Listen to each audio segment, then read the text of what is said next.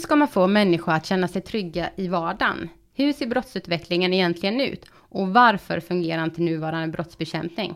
Är det polisens problem att lösa? Eller är det fler aktörer som måste agera? Ni lyssnar på Larmtjänstpodden och idag ska vi prata om hur säkerhet och tryggheten ska öka i människors vardag. Mitt namn är Åsa Sönneby och i dagens avsnitt har vi Fredrik Reinfeldt, tidigare statsminister men idag ordförande i Trygghetskommissionen på plats. Hej Fredrik! Hej hej! Välkommen till Larmtjänstpodden. Ja, tack ska du ha. Kul att du kunde komma idag och prata om just de här aktuella ämnena som eh, eh säkerhet och trygghet i människors vardag. Eh, du är ju då ordförande i Trygghetskommissionen. Vi kanske kan börja det här avsnittet med att kort berätta om din roll där och vad Trygghetskommissionen egentligen är. Ja, Svensk Försäkring tillsatte eh, Trygghetskommissionen för att de tycker att stora delar av brottsligheten möter ingen rättslig reaktion. Eh, jag tror folk känner igen sig i detta att det begås en massa brott eh, men polisen lägger ner eller det finns ingen åklagare som tar upp det. Det vill säga det sker ingen rättslig reaktion. Och naturligtvis märker ju då försäkringsbranschen att väldigt mycket istället bara blir försäkringsärenden. Mm. Och de eh, har mycket riktigt sagt att eh, det skapar otrygghet i samhället. Om känslan är att det pågår en massa brottslighet som inte leder till några reaktioner. Så att i grunden har de bett oss svara på frågan. Ja, dels varför det ser ut så här, men framförallt vad vi kan göra åt det.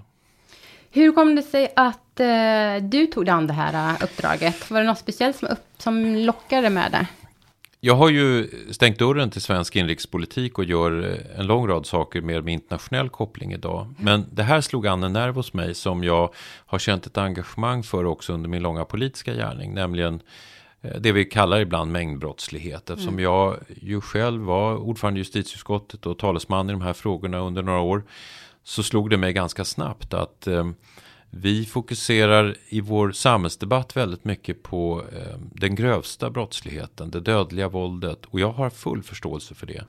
Men det breda, det nära människorna, det flest upplever, det är en typ av brottslighet som eh, vi gör väldigt lite åt. Mm. Så att den här frustrationen som Svensk Försäkring ville eh, ha som utgångspunkt, den har jag känt mycket av genom år och därför tyckte jag det var intressant att få titta på vad man kan göra åt det här. Mm. Och ni har ju kommit med en rapport i Trygghetskommissionen som just behandlar vardagsbrottsligheten, eh, den brottsrelaterade otryggheten och eh, problem kring de här utsatta områdena. Eh, jag tycker intressant som ni också tar upp i er rapport, det är att ni, börjar, ni pratar om vardagsbrottslighet och det är viktigt att också reda ut vad det begreppet innebär. Vad är det egentligen? Ja, precis. Därför att vardagsbrottslighet, när vi tittar på själva definitionen, då betyder det brott som har polis som förundersökningsledare. Mm. Det där är ju begripligt om man befinner sig i rättssystemet. Men för vanligt folk så har det där ingen betydelse. Och vi märkte dessutom att när vi tittade på vad människor upplever skapar otrygghet och man listar det, då kommer en lång rad saker som faktiskt inte vi skulle betrakta som helt brottsliga. Alltså ungdomsgäng som står och pratar högljutt eller kör med moppar eller, eller sånt som vi gör alldeles för lite åt att åtgärda som lättare skadegörelse till med offentlig urinering. Alltså sånt som mm. skapar en känsla av att här fungerar det inte mm. och här vågar jag som medborgare knappt röra mig. Och därför så var det viktigt för oss att säga att det är inte ett perfekt begrepp. Vi har därför tittat på det här eh, amerikanska begreppet quality of life crimes som vi då har översatt till livskvalitetsbrott. Mm. Och då är det viktigt att påpeka att det både handlar om mängdbrottslighet, alltså brott som påverkar många människor runt om i Sverige, men också om vanliga ordningsstörningar. Och det här är väl livskvalitetsbrott? Det vill ni ha in som en ny brottskategori? Ja, alltså vi tycker att de förslag vi har syftar till att möta hela typen av olika typer av livskvalitetsbrott. Allt ifrån det som är brottsligt till det som är ordningsstörningar. Mm. Men som har det samlade syftet att svara upp mot den otrygghet som blir följden av att vi gör för lite åt detta. Vi pratar om, eh, du nämner otryggheten här i samhället eh, och vi pratar ju om trygghetsfrågor. Jag tänker, trygghet kan ju vara lite komplext att prata kring också, för Rent spontant så är ju det kanske något som man själv upplever. Det kan vara väldigt subjektiva områden. Hur kan man definiera trygghet och hur jobbar man kring det? Det var ju den andra viktiga definitionen för oss efter att ha tittat på vardagsbrott. Det är just trygghet. Det, det är ett begrepp som när nog alla vill relatera och äga. Mm. Både i politiken och organisationer. Så vi var ju lite förvånade när vi fann att det egentligen inte finns någon enhetlig definition av trygghet. Det enda man kan säga är att det är subjektivt. Alltså mm. det är en upplevelse som utgår från vad människor tycker och tänker och tror. Ett problem med att det är subjektivt är ju att människor lätt kan få fel uppfattning om huruvida ett område är tryggt eller inte. Vi stöter på äldre som upplever att de bor i otrygga områden trots att vi inte kan finna att det finns särskilt mycket brottslighet där. Och vi stöter på ungdomar som upplever att de är trygga när de står på inneställen där vi vet att det pågår vapenhandel och droghandel. Så att vi separerade begreppet och sa att det viktigaste är att också lära sig vad säkerhet är. Mm. Alltså vad är en säker miljö? Och det är ett faktiskt förhållande. Och så sa vi att eh, säkerhet är en sak. Där ska vi föreslå sånt som är säkerhetshöjande. Och sen ska vi absolut jobba med trygghet. Men då ska vi inse att trygghet är den egna upplevelsen av säkerhetssituationen.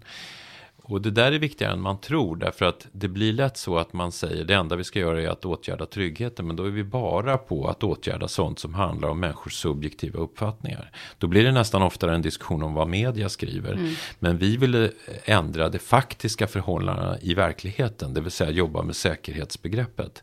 Och då tror vi att gör vi det på rätt sätt. Då kommer också människors trygghetsupplevelse att förändras. Eh, om man tittar på eh, hur den brottsrelaterade tryggheten har utvecklats i samhället, hur överensstämmer den egentligen med själva brottsutvecklingen? Ja, vi ser ju en allmän trend i den utvecklade västvärlden kan vi säga av att eh, vissa brottstyper faktiskt minskar i omfattning. Vi kan dessutom se en, en, tydlig förändring av brottsligheten. Till exempel så går vi mot mycket mindre av kontant samhälle jämfört med vad vi har varit. Vilket gör att vi ser att den typ av brottslighet som var väldigt uppmärksammad när jag var ung. Till exempel att man rånade banker eller som har hängt med in i vår tid. Själva värdetransportrån. Det har nu minskat ner för att nästan helt försvinna. Mm. Utan istället så förflyttar sig väldigt mycket av brottsligheten in eh, som allting annat på webben eh, och i IT-miljöer. Och det vi då märker är att den här typen av förändringar har många människor ibland svårt att ta till sig. Det vill säga eh, man överdriver vad man tror försiggår i form av äldre, mer känd brottslighet. Och tror att det eh, finns överallt. Och missförstår eller underskattar behovet av ny, eller liksom hur ny brottslighet beter sig. Alltså blir vi lurade till bedrägerier men känner stor rädsla för att det pågår inbrott överallt fast det, vi kan se att det har minskat i mm. omfattning. Och det här har också varit viktigt för oss. Då är vi på det här igen. Trygghet är alltså subjektivt. Det, det, kräver mycket fakta. Det kräver mycket diskussion om hur brottsligheten utvecklas. Om man ska åtgärda den här typen av problem. Och naturligtvis också att rättsväsendet hänger med i detta. Att, så att säga, rättsväsendet förstår, återspeglar och verkligen lagför brottsligheten så som den ser ut idag. Mm. Men om man pratar mer om den här hårdfaktan, eh, brottsutvecklingen, siffror och hur ser den faktiska brottsutvecklingen ut? Ja, och den, det är en, en väldigt svår fråga därför att hur diskuterar vi det i Sverige? Jo, antalet anmälda brott. Mm. Och antalet anmälda brott eh, låg ju länge kring 1,2 miljoner har nu kommit upp i 1,5. Då ska man veta en sak som vi lärde oss när vi tittade jämfört med andra länder. Att vi anmäler mycket mer i Sverige än vad andra länder gör. Eh, man har till och med trösklar i andra länder för när man ens accepterar att man anmäler ett brott. Vilket gör att vi ligger det ser ut som att vi är helt utsatta för brottslighet här uppe i Sverige jämfört med andra länder. Men det beror just på detta att vi anmäler väldigt mycket. Baksidan av det har ju Brottsförebyggande rådet påpekat det att det är så mycket anmälningar så att säkert hälften av de anmälda brott vi har är inte utredningsbara. Det går inte att göra någonting av detta. Och en, en ännu större andel än det läggs ju direkt ner. Så att det är också en del av varför det här är så frustrerande. Vi anmäler massvis med brott där det enda svaret närmast direkt blir ja det lägger vi ner, mm. det gör vi ingenting åt. För att det är klart, har man väl valt att anmäla då gör man ju det för att man känner frustration, ilska, uppgivenhet och vill att något ska hända. Så att vi har också lärt oss att ska vi prata brottslighet då måste vi titta mycket mer på den här typen av undersökningar där vi frågar om människor känner sig otrygga. Mm. Eh, alltså den typ av undersökningar som Sverige fick för en nu pass 10-12 år sedan. Eh, före det pratade vi ju bara anmälda brott. Nu har vi då lagt till en del sådana här trygghetsundersökningar. En del av dem är bra. Men, säger vi i vår rapport, de är huvudsakligen bra när de pratar nationella fenomen. Men de är än så länge inte tillräckligt bra på att regionalt, lokalt skilja ut vad som är tryggt eller otryggt. Och det har ju haft betydelse för oss som vi till exempel skulle titta på särskilt utsatta områden. Mm. Ja, då måste man ju gå in i områdena, geografiskt avgränsade och ställa bara frågorna för de som bor där. Mm. Och då inser man snabbt att till exempel bara ha kommunmätta serier för trygghet blir helt fel. Mm. För att i samma kommun kan det vara en väldigt trygg och säker del medan en annan inte är det. Just det. I er rapport så kommer ni med eh, förslag på hur man kan bemöta den här brotts, eh, brottsligheten på med brottsbekämpning. Om vi tittar, bara stannar upp och tittar på nuvarande brottsbekämpning. Eh, varför fungerar inte den om man säger så och vad har den för brister?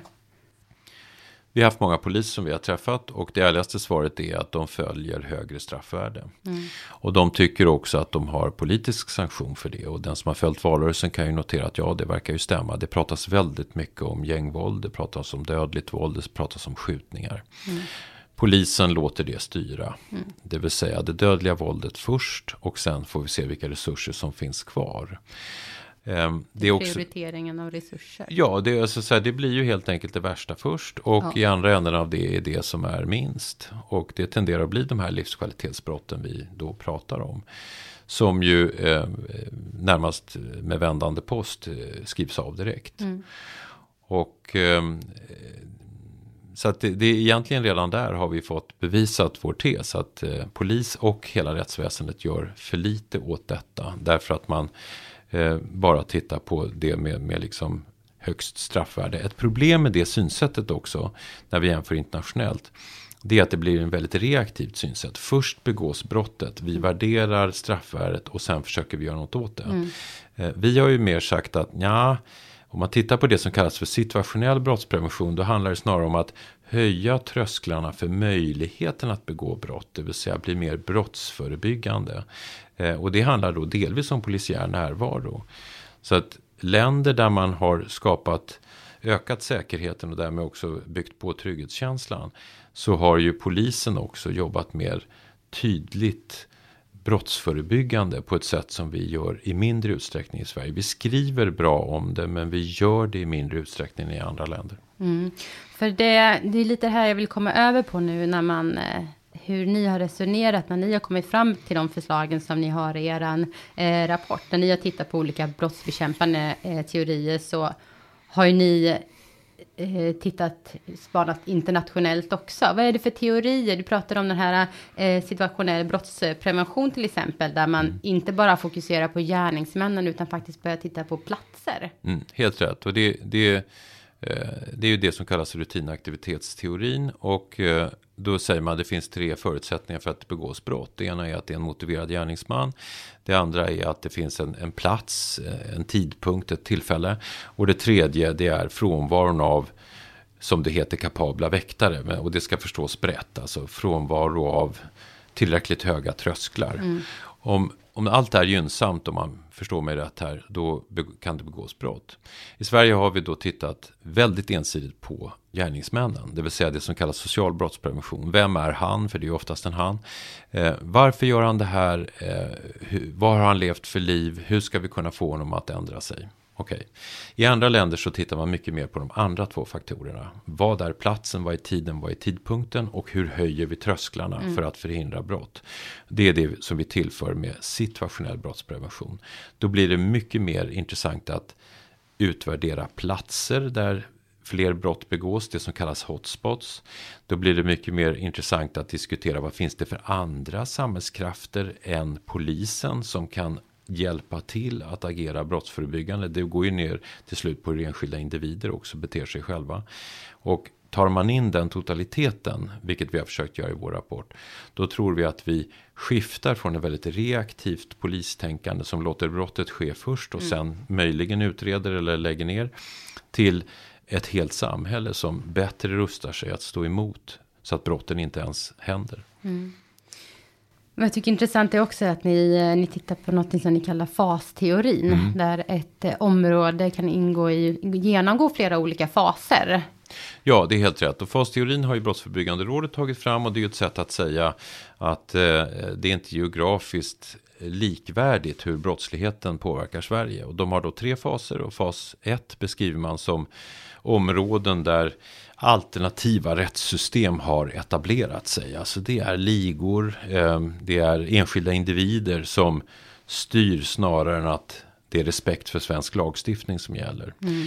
Och det är klart, i den typen av områden så anpassar sig väldigt ofta laglydiga medborgare till de förhållanden. Det vill säga de är så rädda för de som styr att de pratar inte med rättsvårdande myndigheter, misstror polis, vi får inga som vittnar. Alltså det känns ganska så hopplöst. Det kallas för fas 1-områden. Fas 2, det är ju att liksom, då har vi börjat ta oss ur det där. Då har polis och rättsvårdande myndigheter börjat återta samhällskontrollen. Och människor känner att här kan man faktiskt förlita sig på de som eh, har den uppgiften. Och i fas 3 då är det fullt ut etablerat. Och då kan polis och rättsvårdande myndigheter mer gå på det mer dolda underliggande brottsligheten som vi som bor där inte ens alltid känner till. Att grannen kanske håller på med barnpornografibrott eller att det pågår allvarlig eh, knarkhandel mm. i någon källare som vi inte känner till.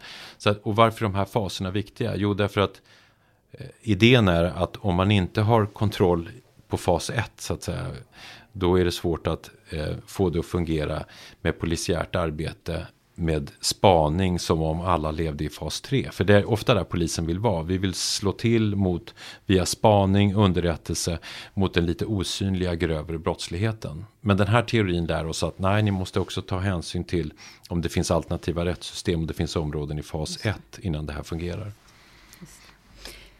Om man i er rapport så har ni kommit fram till ett förslag hur man kan jobba. Eh, något som ni kallar AMP-modellen som står för affärs och medborgarplatsmodellen om mm. jag har rätt. Eh, kan du förklara den? Ja, och det, det, är också en tredje teori vi har tittat på. Den väldigt i USA välkända Broken Windows-teorin. Som utgår egentligen från situationell brottsprevention. Det vill säga låt inte områden förfalla. Mm. Broken Windows betyder ju helt enkelt att har du ett trasigt fönster så byter du ut det. För byter du inte ut det så sänder du signalen att här finns inga kapabla väktare, det är ingen som tar hand om området. Och det tenderar att göra att människor blir mer rädda och mm. söker sig därifrån. Så att vår idé med AMP, det är att vi ska ge ett mandat till en struktur som tar ansvar för ett avgränsat offentligt utrymme. Tänk er ett torg.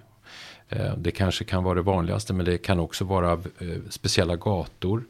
Där vi helt enkelt låter dem ta hand om allt som kan göra att det blir säkrare och tryggare. De får ta hand om renhållning, de får ta hand om säkerhet.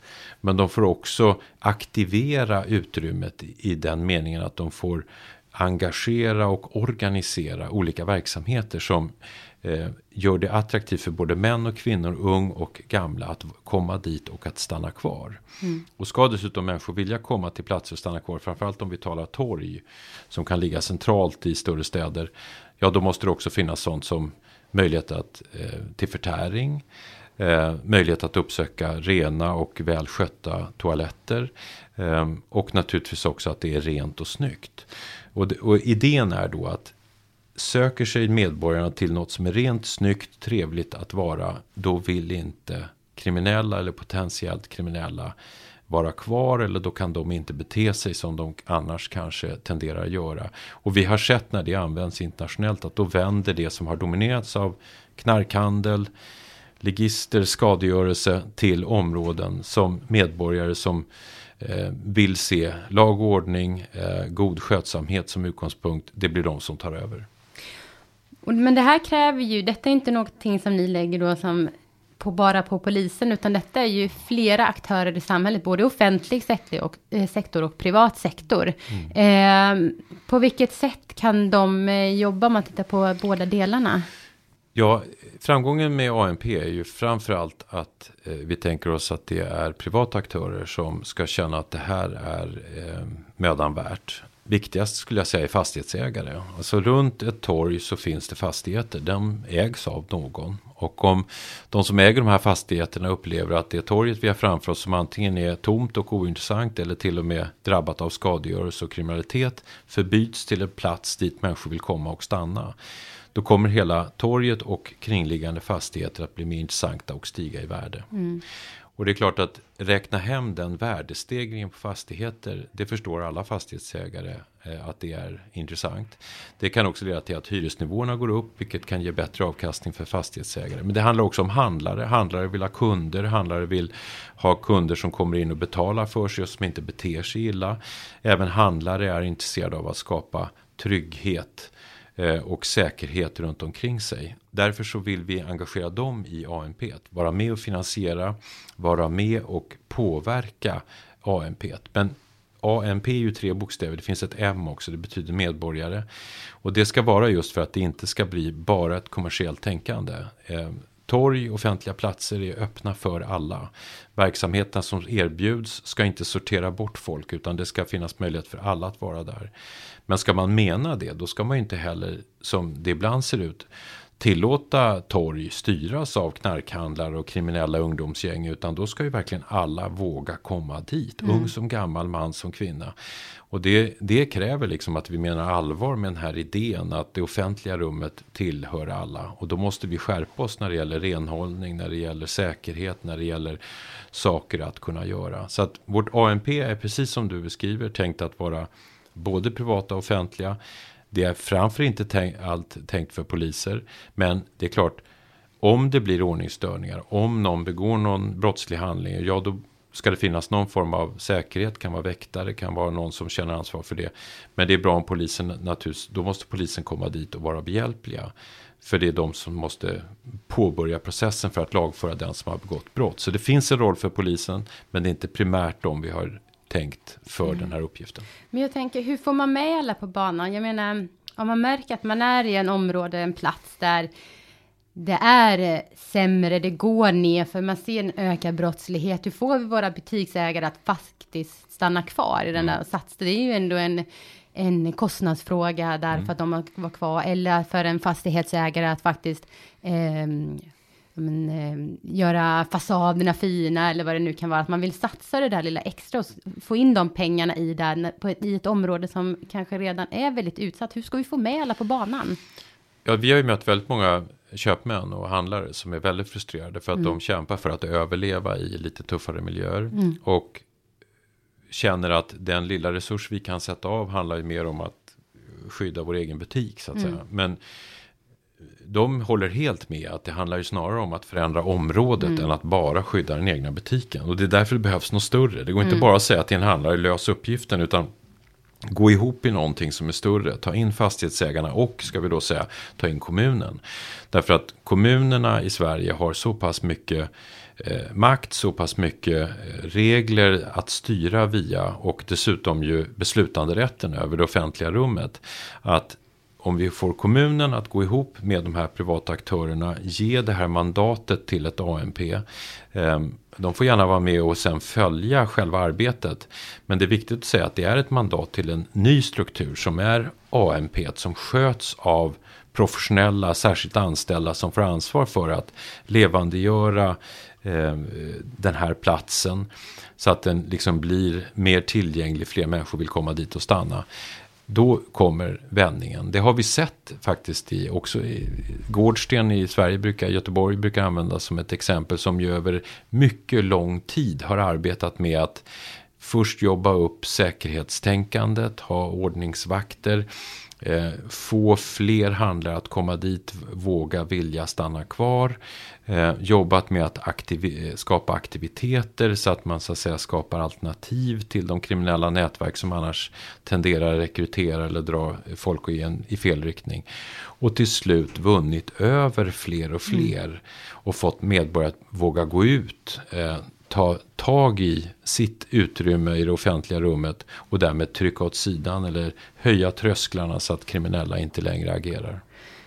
Du nämner här Gårdsten som ett exempel. Ehm, där man har jobbat på ett liknande sätt. Eh, vad är skillnaden på hur de har jobbat med eh, den här modellen som ni har eh, gått ut med nu? I Gårdsten var man helt enkelt väldigt beroende av det lokala bostadsbolaget som ju var en del av allmännyttan. Och eh, det finns en eldsjäl, själva vdn för det här bostadsbolaget som har betytt oerhört mycket. Eh, det var de som i realiteten finansierade de eh, eh, Ja, det var inte vakter men personer som hjälpte till att skapa en vuxen närvaro och, och därmed öka säkerheten. Och som har bidragit väldigt mycket med, med liksom den här utvecklingen över längre tid. Det vi säger är att vår modell tar in mycket tydligare privata aktörer och eh, gör att vi inte bara blir beroende av ett enskilt kommunalt bostadsbolag. Utan det för ihop resurser och flera aktörer. I Sverige används ibland ordet eh, samverkan för att säga att det är så vi ska göra. Vi har tittat på samverkansmodellen och vår uppfattning är att den i nästan alla fall där vi har tittat inte fungerar så som vi menar att den ska fungera. Samverkan betyder väldigt ofta att man för ihop aktörer som berättar om sina olika mandat men som inte får bestämma över varandra och som ju i realiteten inte samverkar på det sättet att det verkligen förändrar hur det ser mm. ut på torgen och ute på gatorna. Utan vi menar att ANP får ett mandat, är en egen struktur, anställer egna personer som tar hand om säkerhet, som ser till att det kommer dit eh, eh utskänkning av eh, mat och dryck, som ser till att eh, renhållning fungerar och att det också finns aktiviteter som människor kan ta del av. Det är det som är det unika. Det är det som internationellt har verkligen eh, gjort skillnad. Så att vi, för vi hör ibland att ja, det ni föreslår finns redan. Nej, det finns inte i Sverige. Eh, det finns på sina håll samverkan som är bättre eller sämre, men det är inte det vi talar om. Vi talar om ett eget tydligt mandat eh, för en ANP med mycket mer långtgående möjligheter att förändra det offentliga rummet. Ska man jämföra med någonting? För det, det är egentligen en konstighet att om det offentliga rummet har himlen ovanför sig i Sverige, då har vi svårt att få det här att fungera. Mm. Sätter vi dock ett tak på det offentliga rummet och kallar det för en shoppinggalleria, för det har vi på våra håll i Sverige, då fungerar väldigt mycket av det här jag nu beskriver. Vi har pratat med en del av de som äger eh, större sådana här shoppinggallerier och det är väldigt ofta stora företag. De jobbar med renhållning, med säkerhet, med aktiviteter. Eh, men det blir innerstadscentra eller shoppingcentra. Och det är faktiskt offentligt rum. Om man mm. tittar på eh, ytorna utanför butikerna i de här shoppingcentra. Då är det offentligt rum fast med tak ovanpå. Mm. Och vi tänkte så här, även om vi tar bort taket så borde det, det, fungera. Det. Eh, eh, ni pratar även om ett kunskapscenter, lite mm. för att hålla ihop det om jag förstår det rätt. Eller ja, vilken uppgift har kunskapscentret i den här AMP-modellen? AMP-modellen förutsätter kommuner som säger vi vill testa detta. Mm. Och vi är beredda att ge mandatet till oss själva och till de privata aktörerna och sätta igång ett AMP. Vi är övertygade om att om kommuner räcker upp handen då kommer de också säga hur gör man? Eh, och då säger vi då måste de få ett stöd. Det måste finnas ett kunskapscenter i Sverige som kan det här, som kan bistå kommuner som vill testa i pilot eller sen bredare sätta igång AMP. Det måste dessutom finnas eh, en AMP-modell tycker vi som, eller ett kunskapscenter som följer upp hur det faktiskt fungerar mm. där det används. Därför vi tycker också att man i forskning i utvärdering ska belägga att det här ger effekt både på hur brottsligheten utvecklas och hur tryggheten växer. Och vi tycker dessutom att när kunskapscentret är väl etablerat att de ska knacka på hos en del kommuner som borde börja tänka mer i den här riktningen. Alltså mer propagera för idén att vi får, får fler ANP i Sverige. Då sitter de helt enkelt och analyserar olika områden i, eh, i Sverige. Helt rätt. Och vi är övertygade om enligt fasteorin att det här är verkningsfullt både i fas 1 såväl som i fas 3-områden. Det funkar både i i eh, lite mer socialt utsatta eh, förortsområden som vi ibland pratar mycket om. Men det funkar också alldeles utmärkt i kommersiella centra. Alltså om man tänker på hur Sverige ser ut. Jag har varit runt många orter. Väldigt många av dem har byggt sina innerstadscentra runt ett stort torg. Mm. Eh, det torget i sig vore ju en perfekt ANP-plats. Mm. Men som sagt, det skulle funka också. Men med lite andra utgångspunkter också i mer socialt utsatta områden. Mm. Du nämnde tidigare pilotprojekt. Ja. Är det ett sätt att dra igång det här, att se hur det fungerar, eller hur tänker ni där? Jo, jag tror att det behövs en pilot. Därför mm. att det går att peka på internationella exempel. Men det finns inte det vi har föreslagit någonstans i Sverige. Och jag förstår ju att alla de prövningar som kommer komma. Hur, hur utformar man det offentliga mandatet? Vilka aktörer ska vara med? Hur får man in personer som förstår hur man då jobbar med att få den här platsen att bli levande, att få renhållning eh, och alla aktiviteter att fungera ihop. Det måste man få pröva. Det måste testas i ett par piloter. Så att vår tanke är att när kunskapscentret eh, sätts upp så försöker vi aktivera några kommuner som anmäler intresse till att sätta igång ett par piloter. Därför att eh, vi tror att bland annat det här juridiska kring mandatet för hur ett AMP ska fungera. Eh, det har vi inte forskat färdigt kring utan det kommer man behöva utforma i praktiken mm. med under en pilot. Pilot är bra, det kan visa att det fungerar, sen kan det spridas. Om man vill tillämpa den här modellen, då, hur ska man gå tillväga? Det viktigaste är att det är en kommun som vill. Alltså ah, okay. som har en politisk ledning som säger ja det här tror vi på. Eh, denna politiska ledning eh, sätter av det geografiska ytan, kanske ett torg, kanske två gator och säger låt oss testa eh, i det här området. Tar sen kontakt med fastighetsägare som äger fastigheter i det området och handlare som finns på plats.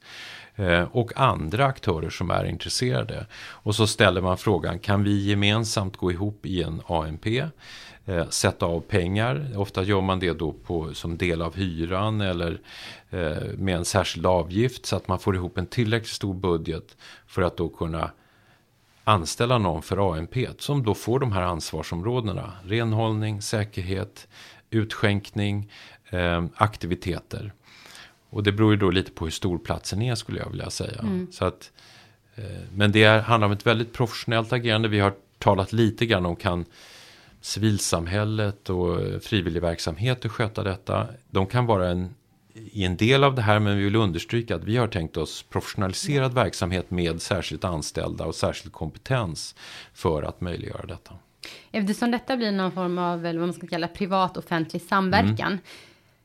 Krävs det några lagstiftningsändringar för att få det på rull eller hur, eh, tänker In, ni där? Internationellt finns ju en förebild som kallas Business Improvement, eh, District, alltså BID. Eh, finns i USA bland annat. Och där finns det en lagstiftning som med tvingande verkan efter en omröstning bland fastighetsägarna kan tvinga in även de som i grunden inte har varit med och velat starta en BID.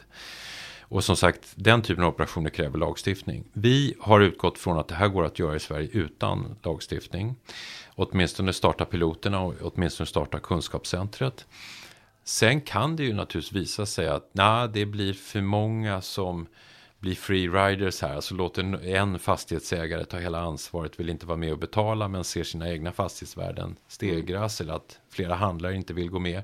Då kan man diskutera om det behövs ett lagstiftningsstöd. Det kan också visa sig att en del av det här mandatet som jag flera gånger nu har nämnt, alltså förfoganderätten i det offentliga rummet, att det kan behöva någon sorts lagstiftningsändring. Men vår uppfattning har varit att vi börjar utan eh, krav på lagstiftningsändring. Eftersom jag ju är en gammal lagstiftare vet jag dessutom att en sån process skulle ta flera år innan vi hade på plats och vi tycker att det här är mer bråttom och mm. mer angeläget att komma igång med. Hur ser du på framtiden om man tittar på brottsutvecklingen och vad, vad, tror du att den går mot och om man tittar på också brottsbekämpningen? Vad, hur ser du på den framtida delen? När jag ser den samlade kunskap som finns i världen och då menar jag också med brottspreventivt, alltså inte bara reaktivt. Så imponeras jag över hur mycket vi faktiskt kan i världen när mm. vi tänker eh, också att vi ska säga, förebygga brott och eh, aktivera andra aktörer när det används är jag ganska övertygad om att många av dem som är tillfällighetstjuvar, eh, för det finns en hel del sådana som tyvärr begår brott med, mest därför att trösklarna är så låga och det fanns en möjlighet. Om vi bara skulle få bort den typen av brottslighet, och det är jag övertygad om att man gör bland annat med sådana här ANP-modeller, då skulle brottsligheten falla ganska tydligt. Mm. Sen finns det en kärna, det vet vi, jag tror alla kan relatera till det, av de som hamnar mer snett och som blir liksom kriminella på heltid. Ehm, och då vill jag inte utesluta att vi behöver både det jag har pratat om och social brottsprevention och, och ett eh, rättsväs som reagerar på deras kriminalitet och så. Men jag är övertygad om att kan vi koncentrera mer resurserna till det då, eh, med, därför att vi har blivit bättre på förebyggande insatser, då kommer vi bryta med mycket av eh, brottsligheten. Och det är en intressant paradigmskifte som sker nu eftersom vi i så mycket mindre utsträckning hanterar kontanter i samhället. Och eftersom digitaliseringen öppnar förvisso möjlighet till nya typer av brott. Men det är också så att digitaliseringen öppnar möjlighet för att tekniskt försvåra brott. Alltså vi kan göra bilarna mer inbrottssäkra. Vi kan använda digitala spårningar för att hitta stöldgods eh, på ett sätt som vi inte har kunnat tidigare. Så att jag, eh, i grunden är jag optimist. Mm. Jag, jag tror att mänskliga strävan att få leva säkert och tryggt och våra tekniska och vår kunskap när det gäller brottsprevention är så pass stor att vi skulle kunna göra mycket mer. Ehm, sen krävs andra samhällsinsatser, det vet alla. Folk måste få jobb, folk måste känna att de har en meningsfull tid och sådär. Ehm, vi kan inte ha allt för många unga arga män som inte vet vad de ska göra av sina liv. För det är tyvärr ett problem som, som vi annars har i samhället. Men, men rent brottspreventivt tycker jag att vi har kommit väldigt långt. Det finns må väldigt många exempel runt om i världen där Sverige lite ödmjukt, om jag får tillägga det, skulle ha en hel del att lära. Mm. Ni ska komma med ytterligare en rapport. Vad kommer den handla om? Jo, Svensk Försäkring har också bett oss titta på eh, den snabbast växande brottstypen. Om många andra typer faktiskt minskar i omfattning så växer ju bedrägerierna.